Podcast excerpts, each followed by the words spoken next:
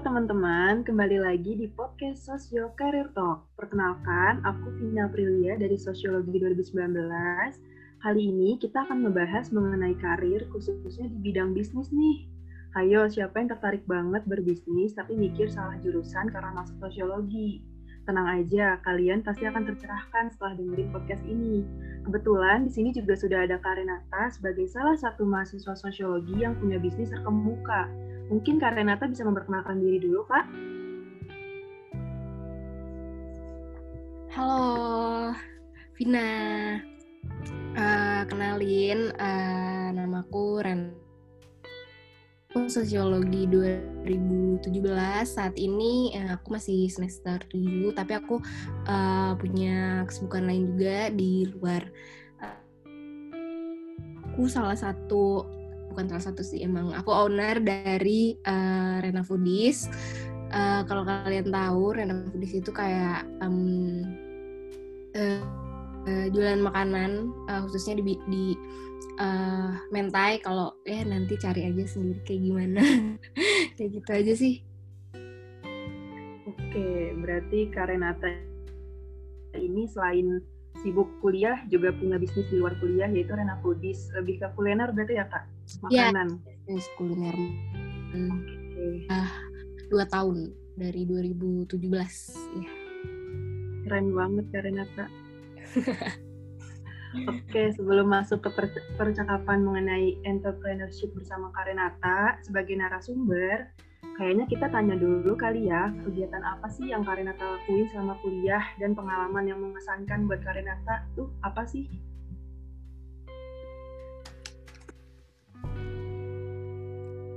Um, jadi aku pengen nyeritain nih uh, gimana uh, awal-awalku pas maba dan kegiatan-kegiatannya. Nah, aku tuh uh, dari dulu sebenarnya nggak um, terlalu aktif, jangan terlalu aktif di uh, kampus karena uh, aku tuh sebenarnya gap year. Kalau kalian belum tahu aku gap year dari tahun 2016 itu aku belum kuliah dulu dan uh, baru mutusin kuliah Uh, kenapa? Karena uh, saat itu aku beneran nyari universitas yang um, aku suka yaitu ya udah UI gitu. Tapi untuk juru aku emang mengkeduakan itu gitu. Nah, uh, sebenarnya pas awal-awal kuliah itu aku tuh agak males buat ikut kepanitiaan karena aku pikir um, teman-teman aku itu uh, adalah uh, angkatan 2016 gitu dan nggak ada temen aku yang dari SMA uh, eh, masuk jurusan yang uh, sekarang aku tempatin sosiologi gitu nah jadi uh, aku udah males banget buat ikut organisasi jadi ya udah seadanya aku ikut. dulu tuh pas lagi maba aku suka ikut aku, aku ikut uh, kepanitiaannya Depor nah kayak apa FPG kalau nggak salah sama apa ya waktu itu aku ikut visi presiasi juga tuh um, sama humasnya BEM kayak gitu. Paling itu aja sih yang aku ikutin waktu udah aku uh, emang fokusnya buat menyelesaikan kuliah uh, lebih cepat lagi kalau bisa karena kayak ya udah teman-teman aku udah 2016 sedangkan aku 17 sih sebenarnya aku agak struggle juga.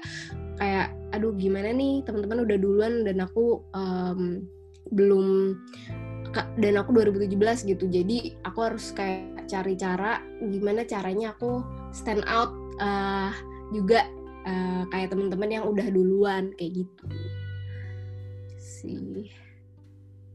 Berarti karena tadinya sempat gap year tapi tetap semangat mau kuliah ya kak? Uh, kayak gak ada hambatan karena kakak gap jadinya ah gue gak usah kuliah kali ah langsung kerja aja. Soalnya biasanya teman-temanku rata-rata pada gitu sih yang aku tahu. Dan kalau yang aku lihat dari Karenata berarti Karenata semangatnya tinggi banget sih. Apalagi tetap aktif juga walaupun nggak banyak ngikutin kegiatan di kampus. Tapi menurutku itu juga uh, apa namanya semangat Karenata tinggi banget. Apalagi sekarang juga punya bisnis kan kakak juga. Kayak gitu sih. Uh, kelihatannya ya depannya itu aku emang semangat banget buat kuliah. Tapi kayak ada cerita-cerita di balik uh, kenapa aku jadi mutusin gap year kenapa aku uh, uh, milih kuliah di balik itu yang uh, sebenarnya orang-orang nggak lihat gitu. Nah itu sih yang jadi um, apa uh, hambatan juga gitu. Uh, di balik itu aku juga struggle uh, karena aku harus mutusin kuliah ya. Gimana ya? Uh, emang uh, kuliah ya perlu gitu untuk uh, bukan untuk pinternya tapi kayak dengan kuliah kan uh, beda gitu sama yang enggak. Kayak misalnya orang yang kuliah itu yang aku tahu bakalan lebih kritis gitu daripada yang uh, belum kuliah gitu kan. Karena um, gimana kalau kuliah kan harus berpikir secara critical thinking gitu ya kan iya betul banget sih kak Oke, aku lanjut langsung masuk ke pemantik arah bisnis kali ya, kayak langsung ke bicaraan uh, pembicaraan tentang bisnis. Oke, boleh. mungkin aku mau nanya uh, perencanaan karir sewaktu kuliah dan motivasi kakak tuh apa sih? Kayak misalkan uh, alasan, dorongan, dan juga keinginan kakak ketika awal memulai usaha tuh gimana sih sampai bisa bisa berkembang sampai saat ini? Alasan alasan aku uh, mulai bisnis ini gitu ya? Iya kak. Uh, alasannya kenapa ya kadang aku juga nggak nemuin alasan yang pas kenapa aku harus uh, punya suatu usaha kayak gitu oh, uh, percaya adalah um, ketika uh, kayak yang di awal aku bilang uh, aku harus uh, teman-teman aku yang udah mulai kuliah duluan itu aku nggak bisa tempuh melalui jalur pendidikan. Artinya kayak ya udah aku masuk 2017 satu tahun lebih lama daripada teman-temanku yang 2016 artinya aku harus punya suatu hal yang uh, uh, menurut aku aku bisa sukses di bidang itu gitu. Nah uh, pada suatu um, aku tuh um, suka ya aku suka makan. Ya semua orang suka makan sih. Cuma eh, nggak uh, gimana ya kayak suka uh, bikin tuh makanan lah gitu kan. Kayak nge-remake dari YouTube kayak gitu. Nah jadi uh, hadirlah uh, Rena Foodies ini pada 2017 tuh aku nggak tahu ya pas lagi pas kapan ya. akhir kayaknya 2017 akhir Oktober kalau nggak salah. Hmm, itu aku uh, 2018 atau 2017 ya Rena Foodies ya pokoknya tahun segitulah. Nah uh, aku mikir buat uh, bikin ini. Nah sebenarnya aku uh, aku sih uh, kakak yang pertama untuk uh, ngejalanin ini. Karena uh, dia tuh udah uh, lebih mahir daripada aku. Uh, aku juga masih kuliah kakakku udah kerja. Jadi dia bisa tuh soal uh, operasionalisasinya gitu kan. Nah um, ya itu alasannya karena aku uh, pengen sukses juga kayak teman-teman aku. Karena kayak misal aku nggak uh, GPR gitu mungkin aku tuh udah males-malesan dan kayak ya udah sekolah aja lah eh kuliah aja lah uh, uh, ngapa-ngapain lagi gitu kan nyelesain aja kuliah. Nah tapi karena aku emang ada di kondisi mendesak kayak aku pengen um, oh ya udah jadi aku bikin uh, usaha gitu. Nah sebenarnya nggak sampai situ aja sih. Jadi uh, karena aku tuh pengen uh, punya penghasilan pas aku lagi kuliah kayak aku nggak pengen wah aku biayain kuliah aku lagi aku pengen ngebiayain kuliah aku tuh sendiri gitu. Walaupun aku uh, bisnisnya sama kakak ya. Jadi um, dia juga bantu gimana proses jalannya gitu. Ya itu sih. Aku tuh pengen aku tuh dari dulu kayak suka uh, ya suka belanja. Ya semua orang suka belanja lah ya. Uh, tapi kalau aku kayak uang aku sendiri gitu. Jadi aku pengen um, itu dorongannya. Pengen uh, beli suatu hal pakai uang aku sendiri. Pengen uh, kuliah uh, biayain kuliah pakai uang aku sendiri gitu. Itu mungkin dorongan yang uh, sampai sekarang masih aku uh, yakini kalau aku oke okay, aku gara-gara uh, pengen biayain kuliah sendiri segala macam sendiri itu jadi uh, hadirlah anak foodies kayak gitu sih. Um, pastinya uh, sebenarnya uh, gimana ya kan kamu tahu kalau misalnya bisnis itu tuh um, kayak harus banyak yang dikorbanin kayak oh kayak uh, apa ya? um, kelihatan banget deh. Pokoknya aku tuh tipe orang yang kalau misalnya kuliah nih ke teman-temanku udah pada apal banget. Aku dari uh, ya udah masuk kelas abis itu langsung pulang. Jarang banget aku ikut uh, ngumpul-ngumpul sama yang lain. Karena ya udah itu salah dan saat itu aku uh, harus nge-manage masih nge-manage sendiri pada tahun 2017-an itu. Uh, 17 18 kan tadi. Terus udah aku harus nge-manage itu masih sendiri uh, masih berdua sama kakakku uh, jadi ya agak sulit juga sih buat aku untuk um, kuliah sambil uh, punya usaha kayak gini. Oke, berarti awal mula kakak berbisnis selain karena suka makan atau mungkin juga suka masak, nah terus juga kakaknya Karenata juga mendukung untuk kerjasama, itu berarti jadi alasan kuat buat kakak buka bisnis ini ya kak? Iya benar banget. Pengen punya uh, pengen punya. Dari dulu sebenarnya aku suka kayak iseng sih sebenarnya uh, kalian pasti punya kan kayak notes notes kecil gitu uh, buat ngampus. Teman-temanku tuh pada tahu uh, aku tuh suka nulis nama-nama menu di restoran gitu. Kayak uh, aku pengen punya menu makanan apa aja di restoran aku aku tulis tuh di situ terus aku tulis juga orangnya ada rena-renanya juga gitu kan. Terus ya udah pas uh, beberapa bulan setelah aku uh, nulis itu kayak terus habis itu aku sendiri dan aku ngasih lihat ke temen-temen aku kayak lu tulis dah apa yang lu mau nanti uh, kalau lo niat uh, lo bisa ngejalanin itu. Gitu. Keren banget emang Karinata oke aku mungkin langsung ke pertanyaan berikutnya kali ya kak. Uh, mungkin pelaksanaan karir dan prospek karir ke depannya tuh gimana sih kak? Kayak misalkan tantangan dalam usaha, kayak misalkan kakak menghadapi tantangannya itu gimana dan gimana caranya melewati tantangan tersebut waktu buka bisnis Rena Foodies? Untuk tantangan, um, pasti uh, semua uh,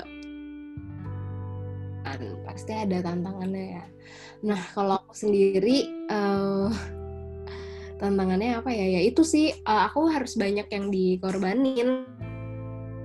Itu yang benar-benar uh, ngebagi gitu antara belajar sama uh, apa namanya ngejalanin usaha karena aku sadar aku kuliah di mana uh, dan aku juga sadar uh, aku juga butuh untuk uh, ngejalanin usaha ini gitu kan. Jadi semuanya dua-duanya dua-duanya tuh harus balance gitu kan kenyataannya banyak banget hal-hal yang nggak uh, sejalan sama yang aku uh, mau gitu. Misalnya pas lagi jadi dulu tuh aku kayak sekarang gitu ya belum punya admin uh, yang masak juga dulu masih mama aku gitu kan.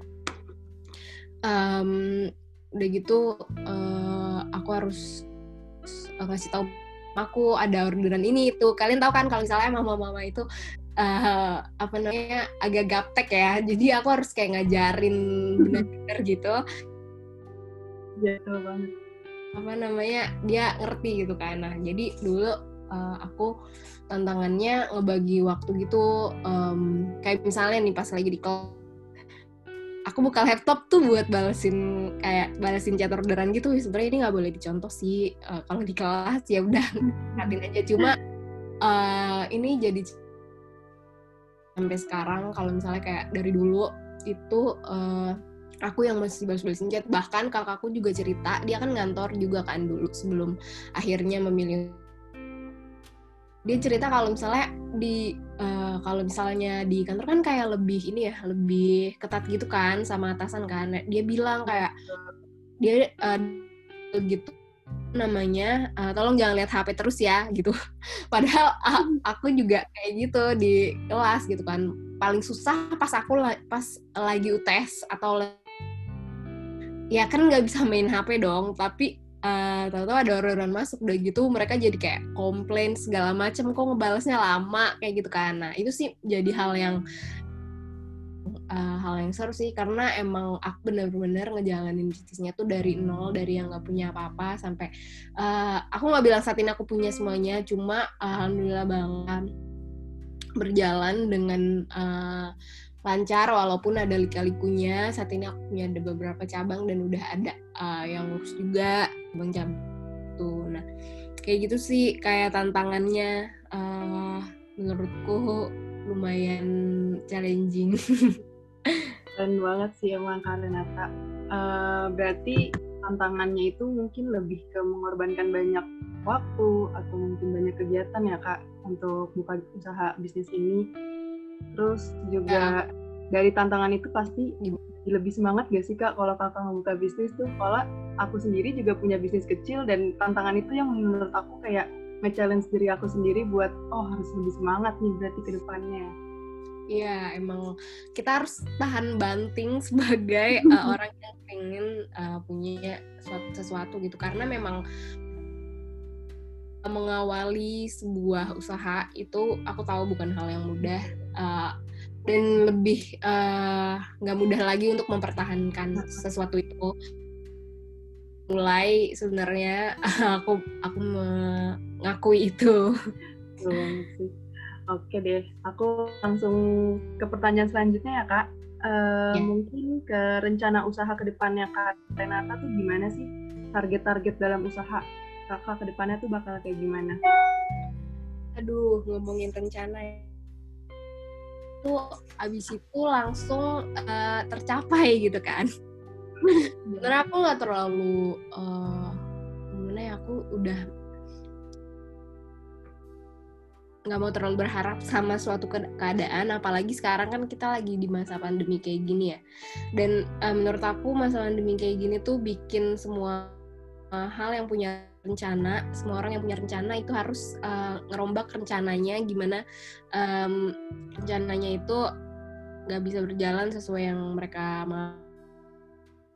Aku sendiri uh, sebenarnya berencana untuk um, aku pengen banget punya restoran uh, lagi gitu.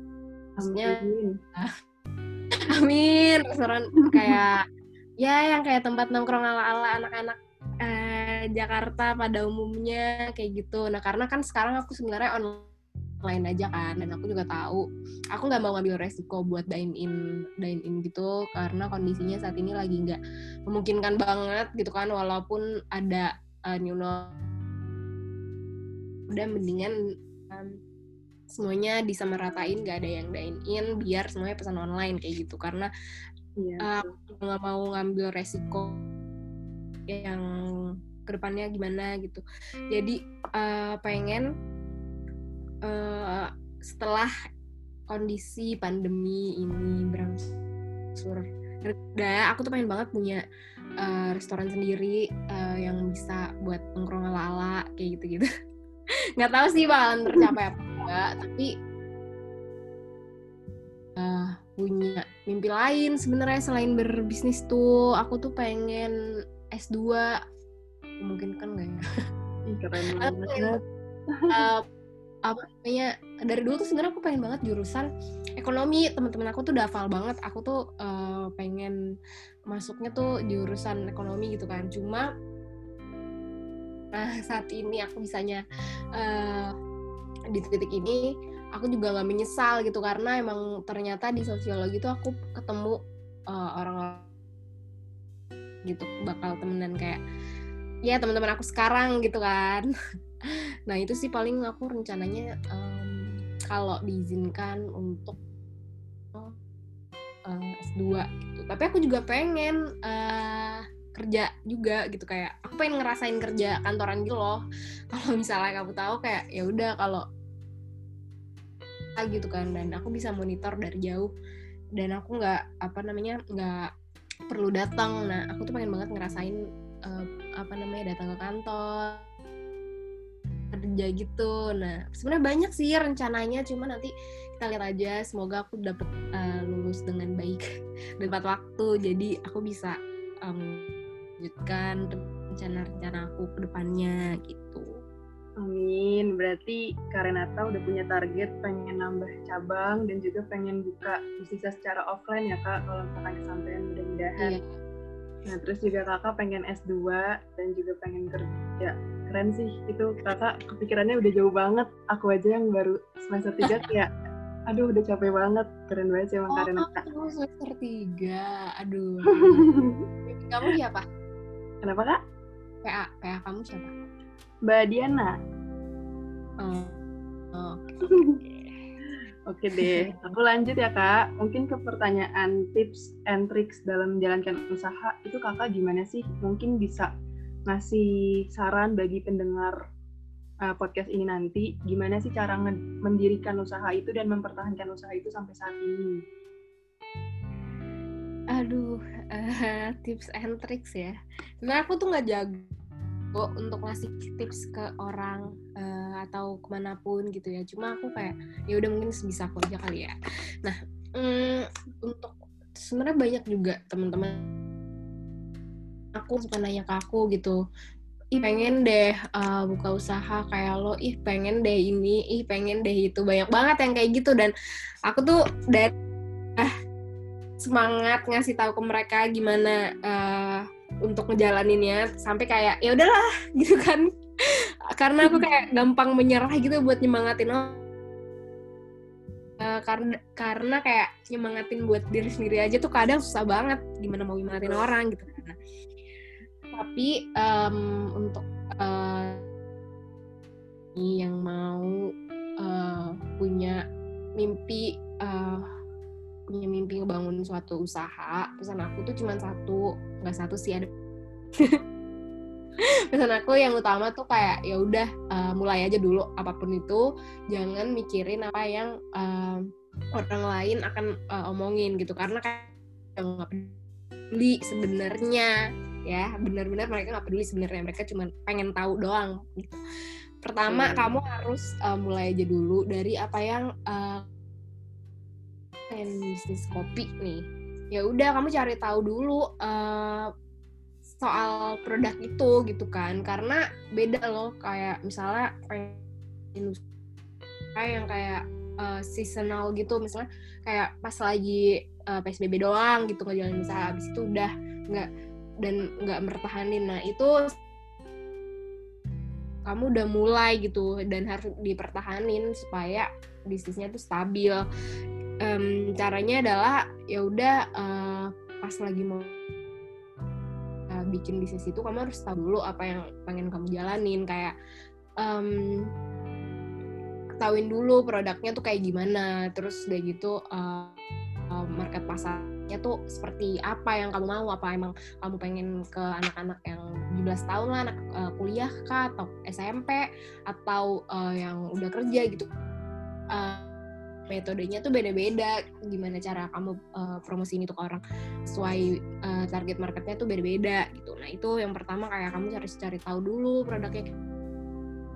Yang kedua setelah kamu udah memulai itu ya udah uh, lanjutin lagi dan uh, kamu harus berkomitmen. Jangan pas lagi seminggu doang nih ngurusin habis itu nggak lagi. Ya udah nggak jadi jadi tuh bisnisnya. Kayak ya udah nggak jadi ada gitu kan karena emang kemauan awal doang gitu kamu harus komitmen sama apa yang mau kamu jalanin gitu.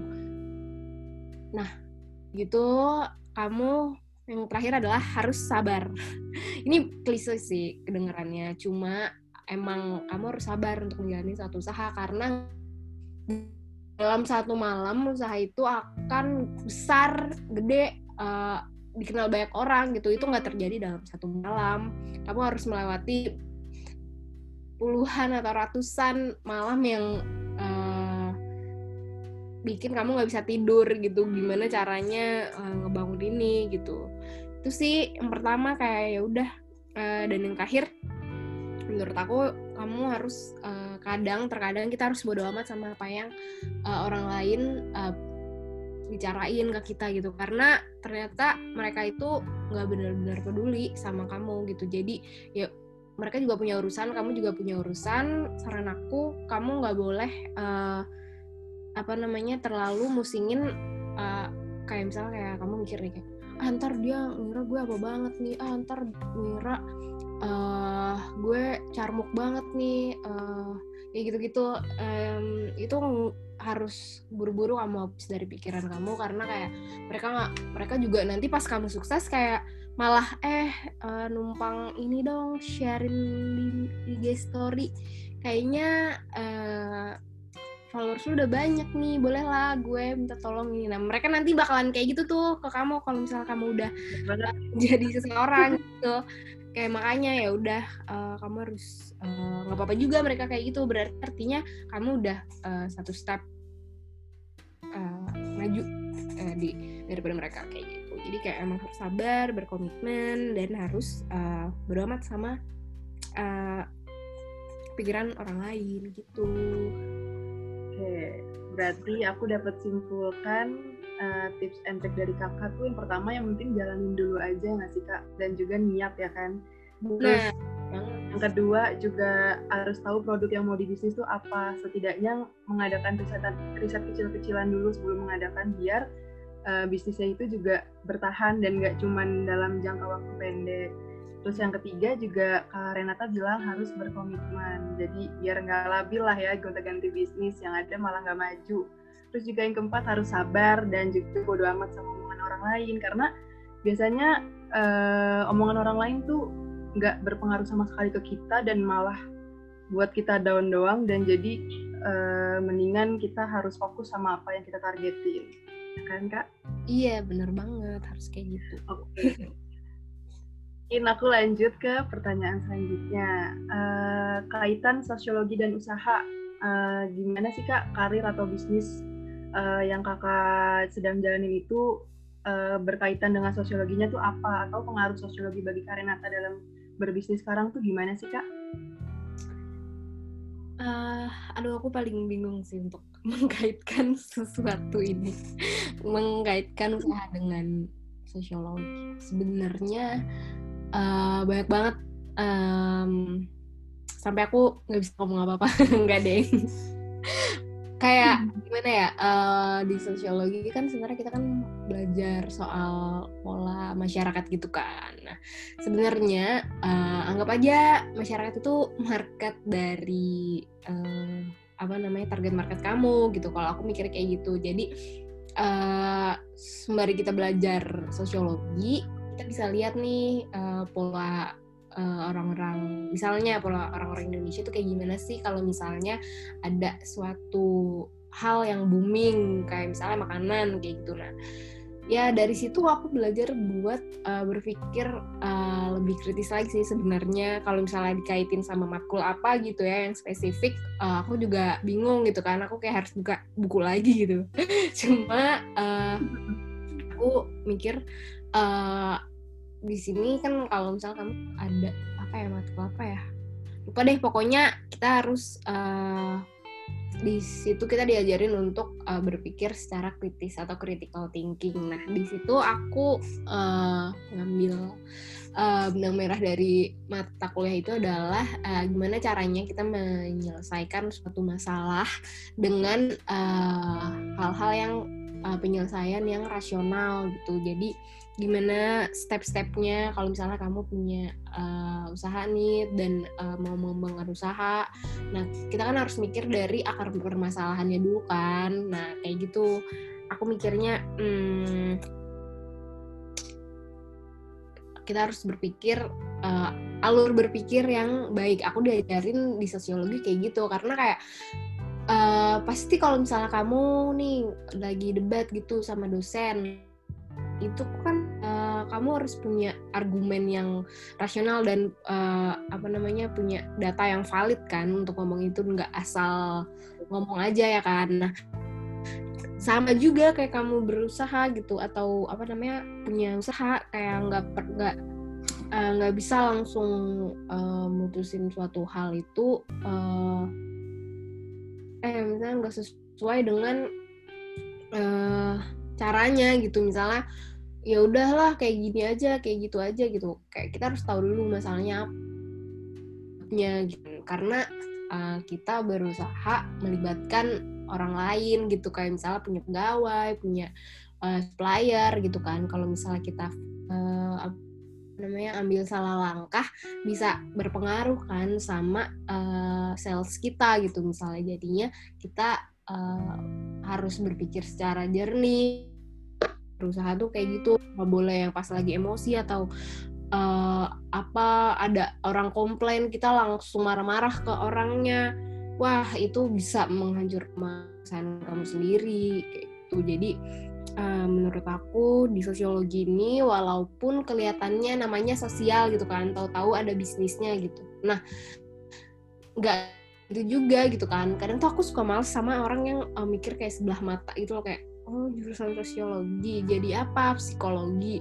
Apaan sih? Orang sosiologi tuh sih banyak banget kan orang-orang yang mikir uh, sosiologi dan psikologi itu sama. Padahal kan enggak gitu sih paling berarti uh, sosiologi juga berpengaruh ya kak dalam kakak mengambil langkah berbisnis? Karena mungkin orang kan mikirnya uh, kalau mau bisnis tuh biasanya yang relate tuh kalau nggak tentang ekonomi atau yang kuliahnya berbau-bau ekonomi padahal sosiologi pun juga bisa. Nah berarti aku bisa ngasih kesimpulan nih atau saran mungkin kayak kalau misalkan di sosiologi aku sendiri kan juga punya bisnis kecil-kecilan ya kak. Kalau hmm. mungkin aku ngambilnya bisa pakai teori pertukaran tuh kak di mana yang kita uh, bisa pakai cost and reward di mana yang kita keluarin itu sebanding sama apa yang kita dapat kalau di aku selama aku berbisnis aku tuh biasanya uh, kalau pakai teori pertukaran tuh aku biasanya pakai iklan kak di platform yang aku jualan itu kayak di Shopee atau di Tokped Nah biasanya iklan itu yang tadinya aku cuma ngeluarin 100 ribu buat iklan produk aku di Shopee atau di Tokped, itu pendapatan aku tuh bisa lebih banget dari 100 ribu itu. Nah jadi pas lama aku belajar teori itu tuh aku kayak ngerasa relate gitu, oh berarti sosiologi juga bisa loh buat dikaitin sama bisnis. Jadi eh, nggak uh, cuman berbau-bau ekonomi doang yang bisa dikaitin uh, sama bisnis. Sosiologi pun juga banyak beberapa teori-teori yang bisa kita kaitin Nah, mungkin menurut aku sih itu kalau tambahan dari aku. Nah, berarti untuk kesimpulan atau saran dari Karenata apa nih Kak untuk terakhir kalinya kita tutup podcast ini untuk teman-teman sosiologi? Uh, Oke, okay. jadi uh, yang aku mau sampaikan ke hmm, teman-teman uh, sosiologi adalah um, jangan pernah merasa untuk uh, merasa, jangan pernah merasa kecil itu dibanding dengan uh, jurusan lain kah fakultas lain. Karena kita semua punya change yang sama kita punya kesempatan yang sama untuk um, bisa mengembang, mengembangkan diri kita masing-masing gitu. Cuma bedanya kita beda misalnya aku di uh, sosio kamu di fakultas lain atau um, di negara lain kuliah di uh, luar negeri gitu. Tapi sebenarnya kita punya change yang sama untuk uh, apa namanya mengembangkan diri kita sendiri gitu. Karena uh, semua orang kalau misalnya punya niat dan usaha gitu yang apa namanya uh, uh, kuat itu pasti bisa untuk uh, maju gitu. Jangan sampai gara-gara kamu mikir kamu nggak punya privilege ini nggak uh, bisa um, misal kayak kamu nggak punya privilege itu dari orang tua yang memadai jadinya kamu nggak bisa buat maju itu itu nggak sama sekali. Kan itu bergerak uh, nggak kita sih maksudnya beberapa orang nggak dikaruniai oleh privilege tertentu yang harus mulai dari nol misalnya aku. Itu bisa kok sesuatu uh, itu pintar-pintarnya kamu aja gimana kamu ngebagi uh, waktu gimana kamu cara nge-manage uh, pikiran kamu um, kuliah dan pekerjaan gitu kan. Karena aku tahu ini hal yang gak mudah uh, apalagi kalau kuliah tuh udah stres sendiri udah pusing sendiri. Aduh pakai mikirin bisnis lagi. Ntar aja deh gue lagi kelar uh, apa namanya kelar kuliah baru deh gue uh, pikirin mau ngapain. Itu sebenarnya kamu buang-buang waktu banget sih menurut aku. Kayak misalnya uh, nanti beda loh sebenarnya uh, kamu nih mau ngelamar kerja juga gitu. Tapi kalau misalnya kamu nggak punya keahlian dalam suatu bidang itu sama uh, gak akan uh, apa namanya ada perbedaannya juga gitu daripada yang ya udah belajar aja gitu kan. Nah sebenarnya aku pengen ngasih tahu sih di situ kalau misalnya nggak semua orang kan punya IP di atas tiga setengah gitu kan. Dan nggak usah maksain juga buat kayak gitu buat punya IP kayak temen kamu yang IP-nya empat gitu atau tiga. Kamu punya uh, apa namanya punya mungkin kamu punya keahlian di bidang lain. Coba cari-cari uh, apa keahlian kamu. Sebenarnya emang keahliannya nggak harus gitu kan uh, kayak misalnya bermusik lah atau kamu pengen jadi dancer internasional itu bisa banget. Kalau misalnya kamu usaha yang penting mulai aja dulu dan usaha uh, diri kalian tanemin kalau kalian mau menjadi seseorang gitu. Karena uh, dengan kalian kuliah aja kalian tuh udah uh, punya privilege loh nggak semua orang bisa kuliah tempat yang bagus gitu kan yang diinginin sama ribuan orang yang gak keterima SBMPTN atau SNMPTN gitu kan. Jadi kamu harus manfaatin um, apa yang kamu punya gitu untuk uh, jadi yang terbaik gitu. Jangan mikirin apa yang gak kamu punya. Udah pikirin aja yang kamu punya. Kamu punya uh, kuliah kamu punya teman-teman punya um, orang tua uh, yang bisa ngedukung kamu untuk uh, mewujud, mewujudkan mimpi kamu kayak gitu. Yeah. Jadi harus mat. Bener banget. Oke deh, uh, sebelum penutup, aku mau ucapin terima kasih banyak nih buat Karinata udah meluangkan waktunya dan juga berbagi tips and trik uh, seputar bisnis ke kita semua. Selain nambah ilmu, juga menjadi nambah wawasan sih buat aku pribadi dan mungkin buat pendengar-pendengar podcast ini nanti. Nah, Uh, sebelum ke penutup, aku juga mau ngingetin untuk teman-teman nih yang hari ini bakal dengerin podcast ini uh, tentang karir. Nah, untuk lebih baik lagi kita bakal simak lebih lanjut Sosio Karir Day ini pada tanggal 21 dan juga tanggal 28 November ya, teman-teman. Jadi jangan sampai ketinggalan nih kalau kalian pengen tahu lebih lanjutnya, uh, ikutin terus Sosio Karir Day ini di tanggal 21 dan juga tanggal 28. Terus sebelumnya juga makasih banyak ya buat Kak Renata uh, atas iya. waktunya. Maaf. Oke deh. Udah ya, Mut?